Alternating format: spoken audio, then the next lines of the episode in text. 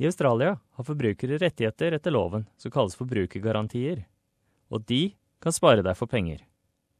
Men folk som nylig har bosatt seg i Australia, kan være ekstra sårbare overfor tvilsomme avtaler og bedrifter. Selv med store innkjøp, som f.eks. bil, kan kunder, som Jing Wang, noen ganger bli skuffet. We purchased a very expensive car, but the engine broke down in only three weeks. It was a brand new car. This is not fair to us. Olivia Njay fra Liverpool Migrant Resources Center sier tjenester som strøm, gass, telekommunikasjon og lignende trekker mange klager.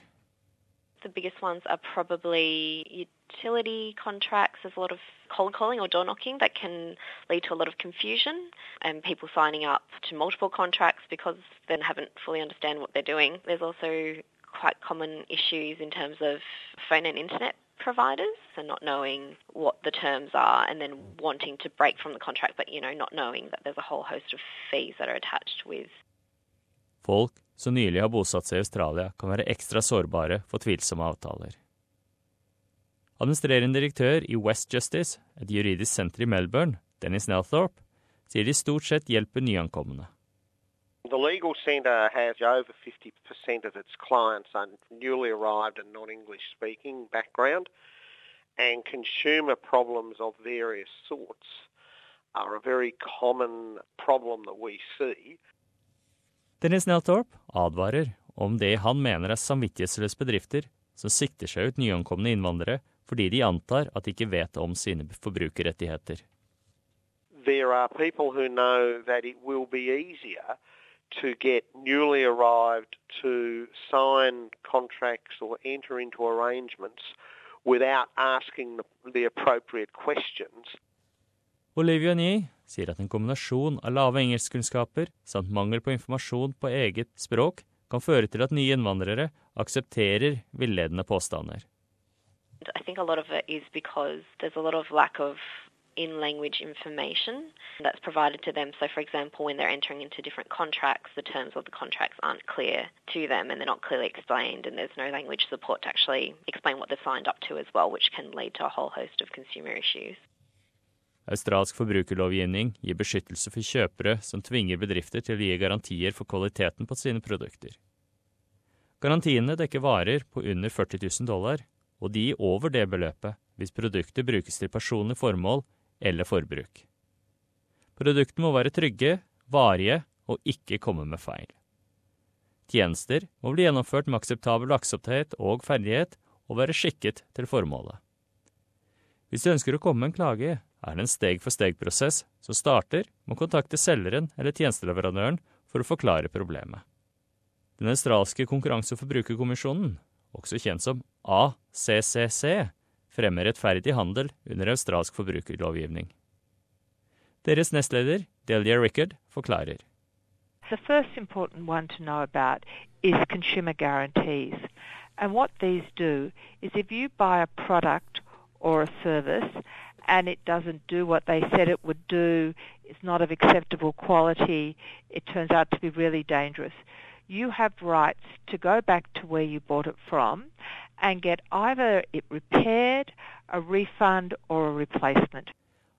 ACCC erkjenner at mangel på engelskkunnskap kan være en ulempe, men Daily Record sier at informasjon og forbrukerrettigheter er tilgjengelig på mange språk.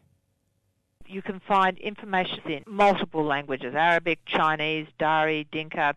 I could go on. There's a long list. So if you go to the ACCC's website, you'll see the link on the homepage to information for non English speakers, and you'll find publications there really going through all of your consumer guarantee rights. Å få forbrukerrettigheter til å fungere kan likevel være en tøff kamp, og noen uærlige bedrifter og tjenesteleverandører kan være svært vanskelige å håndtere.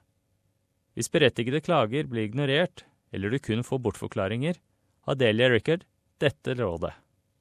If they don't listen to your complaints, you should go to your local fair trading agency.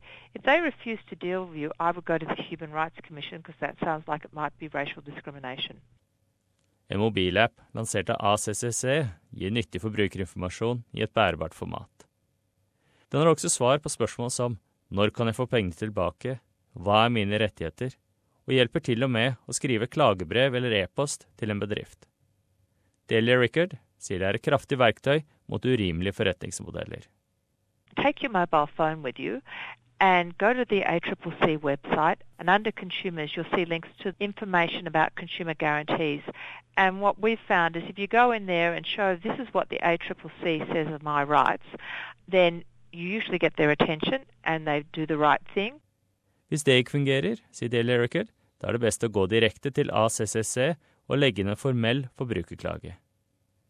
I mellomtiden sier Dennis Nelthorp at mer kan gjøres for å beskytte nyankomne personer fra å inngå urimelige eller villedende avtaler gjennom bedre informasjon. We sometimes that suddenly they're in nirvana and everything is perfect. Whereas in fact, they then have to start to learn how to live in a modern first world economy, which will have all sorts of traps for them. Den australske konkurranse- og forbrukerkommisjonen er den nasjonale konkurranseregulatoren og forbrukerkjøpslovvergen. ACCC fremmer konkurranse og rettferdig handel ved å sørge for at markedene fungerer for alle. Mer informasjon på www.accc.gov.au. Organisasjonen Choice undersøker forbrukerspørsmål og hjelper forbrukerne å ta affære og sende inn klager. Du kan finne dem på www.choice.com.au. Denne saken var laget av Wolfgang Miller, og du hører på SBS norsk, og jeg er Frank Mathisen.